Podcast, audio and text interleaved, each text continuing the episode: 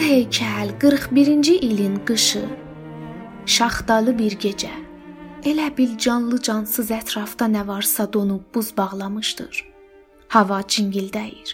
Islıq çalır, daş çatdayır, ağac çıqqıldayır, torpaq çatırdayır, nəfəs tıxanır, tikan kimi boğazda qalır.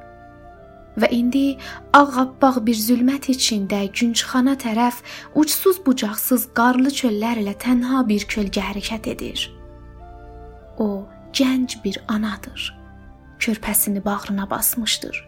Yurdunu tapdayan yırtıcı düşmən əlindən baş götürüb qaçmışdır. Namusunu qara əllərdən xilas eləmişdir.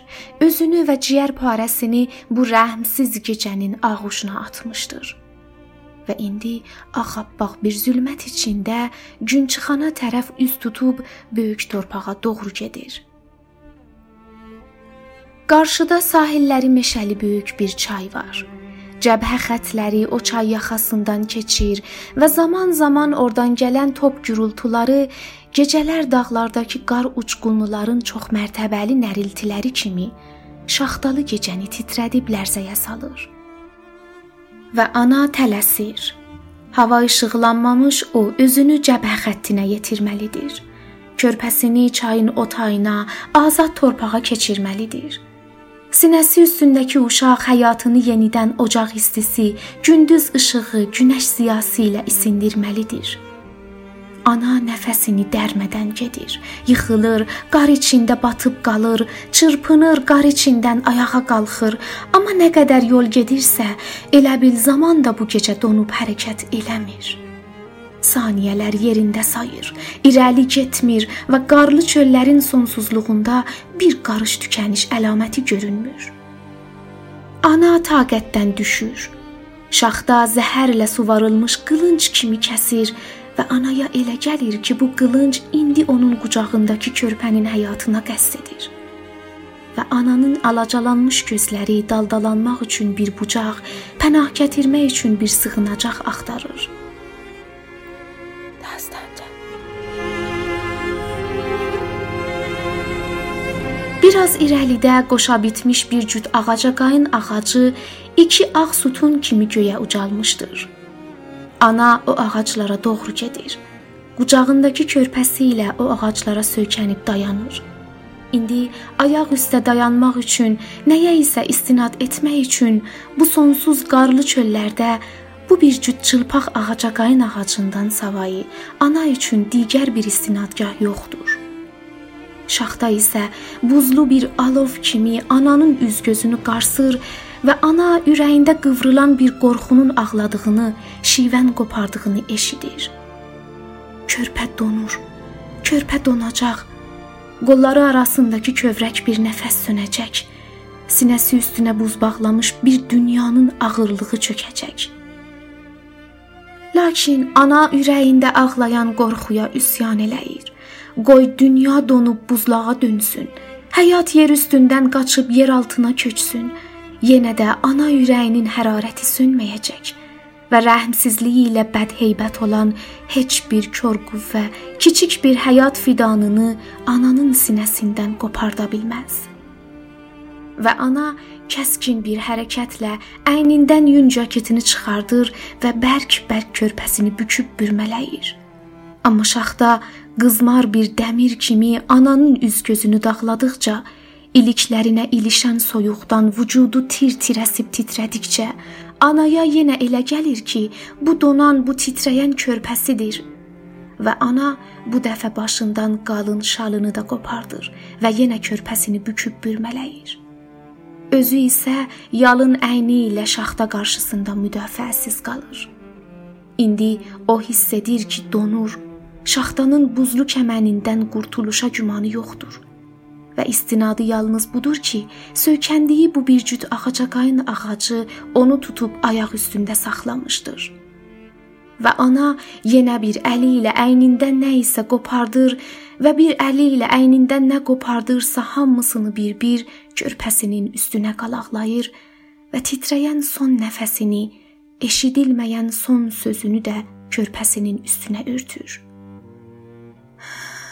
Qorxma, tifilim, Qorxma, ufacığım, son nəfəsimin istisi də sənindir. Sonra ana susur. Beynində batqın bir oğultu qopur. Qulaqları dibində sınıq cingiltilimiz simlər gərilir və gərilən bu simlər bir-birinin ardınca qırılır. Ananın göz qapaqları kilidlənir. Nəfəsi çilik-çilik olub ayaqları altına tökülür və ana şaxtanın buz zənciri ilə qoşa ağaca qayın ağaclarına bitişib hərəkətsiz qalır. Və indi göydə ulduzları cingildədən amansız bir qış gecəsi anaya başqa bir don biçir, başqa bir örtü geyindirir və şaxtanın buz barmaqları dayanmadan ana üçün büllür naxışları ağ ulduzlu yeni bir libas toxuyur. Dastanca Ovxarlanmış bir qılınc tiyəsi kimi kəskin işığı ilə göz qamaşdıran şaxtalı bir səhər açılmışdır. Və iki ağ sütun kimi göyə ucalan qoşa ağaca qayın ağacları qarşısında çiyinləri ağ xalatlı 3 nəfər dayanmışdır. Onlar gecə kəşfiyyatından qayıdan 3 nəfər gənc döyüşçüdür. İndi hər üçü başlarını açıb yerlərindən qımıldanmadan gördükləri bir mənzərə qarşısında donub qalıblar. Və onlar bütün ömürləri boyu qarşısında dayandıqları bu mənzərəni unutmayacaqlar. Bu donmuş gənc bir qadının buzdan tökülmüş buz heykəlidir. Və onlar 3 nəfər gənc döyüşçü müqəddəs bir mihrab qarşısında dayanmış kimi nəfəslərini udublar nə vaxtdan bəri gəlib burada dayanıb durduqlarını unudublar və daş kimi ürəklərindən asılan hissin ifadəsi söz xaricində qaldığı üçün susublar. Nəhayət onlardan biri yerindən tərpənir. Nə isə bilinməz bir qüvvə çəkib onu irəli aparır. Yaxınlaşır. Donmuş qadının buz heykəli qarşısında dayanır və bir an tərəddüddən sonra hansı bir qərizi hissin və daha artıq dəlicəsinə bir ümidin təlqini ilə ananın qolları arasındakı üstü buz bağlamış düyünçəni yoxlayır. Həyəcandan titrəyən barmaqları ilə qarı çırpır, dırnağı ilə buz təbəqəsini qəlpə-qəlpə qopardır və ürək döyüntüsü ilə buz altındakı örtükləri çözür, açır, dağıdır və birdən Oradan düyünçənin dərinindən kiçik bir varlığın baxışları gözlərinə zillənirkən, bütün gözlədiklərinə və gözləmədiklərinə rəğmən bu ansızın körpə baxışından səksənir. Döşündən itələnmiş kimi bir addım geri sıçrayır və sonra dönür, təlaş içində ona baxan yoldaşlarına susub durmuş bu sonsuz qarlı çöllərin səssizliyinə və donmuş buz bağlamış bütün bu dünyaya üz tutub qıyvırır. Körpə sağdır. Uşaqlar eşidin, körpə sağdır. Və qoy bütün dünya eşitsin. Körpə sağdır. Və o vaxt ki, hər üçü baş-başa verib ana qucağındakı körpənin üstünə əyilir, baxırlar. Gözlərinə inanmırlar. Baxırlar, boğazlarında düyünlənən qəhərdən heç biri heç bir söz deyə bilmir. Səhər işığından gözləri qamaşan körpə isə donmuş ana qucağından heyrətlə onlara baxır və gülümsəyir. Dəfələrlə Odalov içindən keçmiş 3 gənc döyüşçünün gözlərində yaş durmur və hər üçü əllərinin tərsi ilə gözlərini silirlər.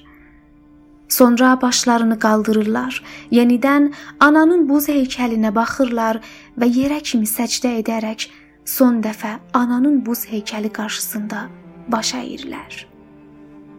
Vaxtdır.